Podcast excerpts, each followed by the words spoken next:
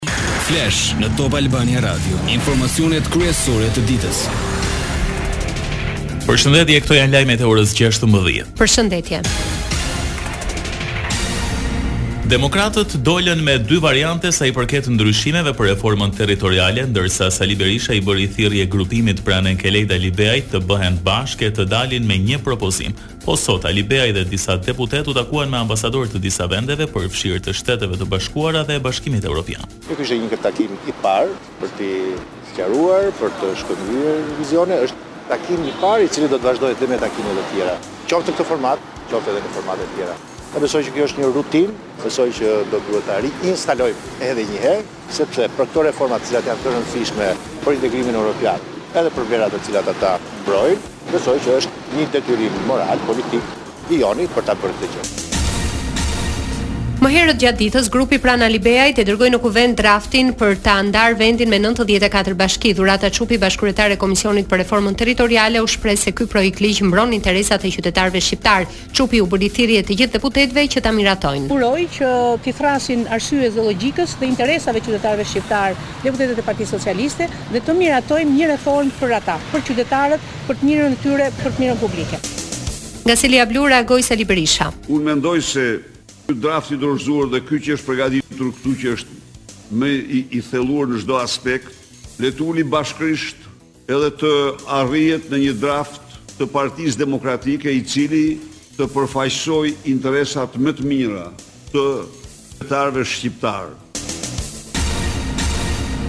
Ndërsa para Universitetit Politeknik të Tiranës sot u zhvillua protesta e radhës e pedagogëve për rritje të pagave, kryeministri Rama foli sot për rritje me 7%. Ne do të bëjmë një rritje pagash prej 7%, por ama do t'i njohim universitetit të drejtën e një tavani për të rritur më tej pagat e pedagogëve sipas vendimmarrjes vet. S'mund të ketë për botën akademike një pagë opshe. Të gjithë njësoj. Nuk janë të gjithë njësoj. Jeton dhe punon dhe zhvillohet në një hapësirë të ndërmjetme midis shtetit si mbështetës dhe tregut si ofertues. Pedagogët protestues e hodhën poshtë rritjen me shtatë për qind të pagave.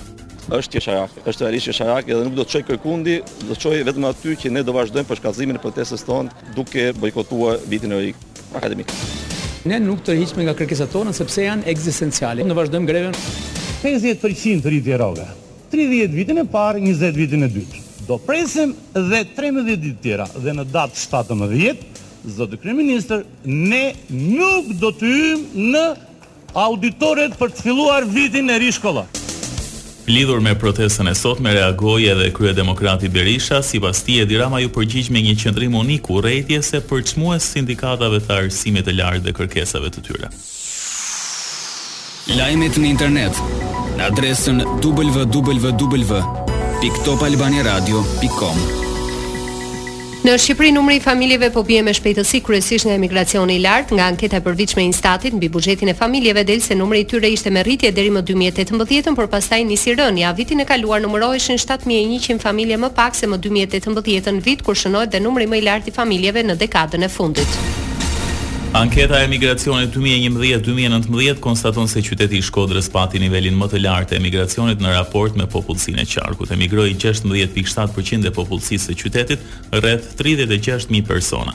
Pas Shkodrës, Fieri renditet i dyti për nivelin e lartë të emigracionit në raport me popullsinë. Vendin e tretë e zë qarku i Durrësit, duke u pakësuar me mbi tridhjetë e shtatë mijë vetë, më pas vjen Tirana.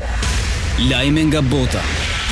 Bashkimi Evropian është i gatshëm të diskutojë çmimin tavan në importet e gazit për të shmangur rritjen e madhe të çmimeve të energjisë. Kjo u deklarua nga shefja e Komisionit Evropian, Ursula von der Leyen. Komentet e zyrtares së lartë para Parlamentit Europian dhanë shenja të ndryshimit të tonit në kontinentin europian. Kjo pasi Gjermania ka shprehur shqetësime se vendosja e çmimeve tavan mund të devijojë furnizimet në Europë.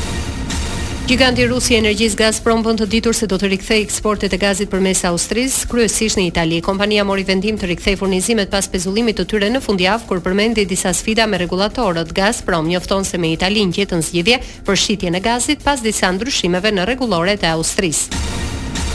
Vendimi i Shteteve të Bashkuara për të dërguar më shumë ndihmë ushtarake në Ukrainë rrit rrezikun e përplasjes së drejtpërdrejtë ushtarake mes Rusisë e Perëndimit. Paralajmërimi bëhet nga ambasadori rus në Shtetet e Bashkuara, Anatoli Antonov, Një ditë më parë, Amerika ndau edhe gjashtëqind e njëzet e pesë milionë dollarë si ndihmë ushtarake për Ukrainën. Dmitri Peskov, zëdhënës i presidentit Putin, i tha BBC se Rusia do të rimarrë zonat e Ukrainës pavarësisht se po tërhiqen. Sipas tij, përgjithmonë territoret do të jenë me Rusinë. Javën e kaluar Moska aneksoi katër rajonet e Ukrainës, Donetsk, Luhansk, Kherson e Zaporizhzhia, Pasi zhvilloi referendumet që Perëndimi nuk i njeh. Nobeli për Kiminë iu shkoi dy amerikanëve, Karolin Bertozi e Barry Sharpless, si dhe danezit Morten Meldal, për krijimin e një forme më funksionale të kimisë. Sipas jurisë, ata u vlerësuan për zbulimin e reaksioneve që u mundësojnë molekulave të krijojnë përbërjet e dëshiruara. Kjo mënyrë studimi besohet se ofron më shumë njohuri për qelizën, Java e ndarjes së çmimeve Nobel nisi më tre tetor me mjekësinë. Elon Musk ndryshon sërish mendjen rreth Twitterit e tani shprehet i gatshëm të vazhdojë me procedurat për blerjen e kësaj platforme të medias sociale. Në një letër, miliarderi jep dakordësi që të paguajë çmimin e ofruar muaj më parë. Ky ndryshim i qëndrimit vjen disa javë para se palët të përballeshin në gjykatë, teksa gjasat ishin të mëdha për Twitterin që ta fitonte procesin. Parashikimi i motit. Vendi ynë do të vijojë të ndikohet nga kushte të qëndrueshme atmosferike, moti parashikohet i kthjellët, por nuk mungojnë edhe alternimet e vranësirave kalimtare. Temperaturat luhaten nga katër në njëzet e shtatë gradë Celsius. Dëgjuat një përmbledhje të zhvillimeve kryesore të ditës. Edicioni informativ i radhës është në orën 17. Unë jam Doriana Lato. Unë jam Edi Hallaçi. Kjo është Top Albania Radio.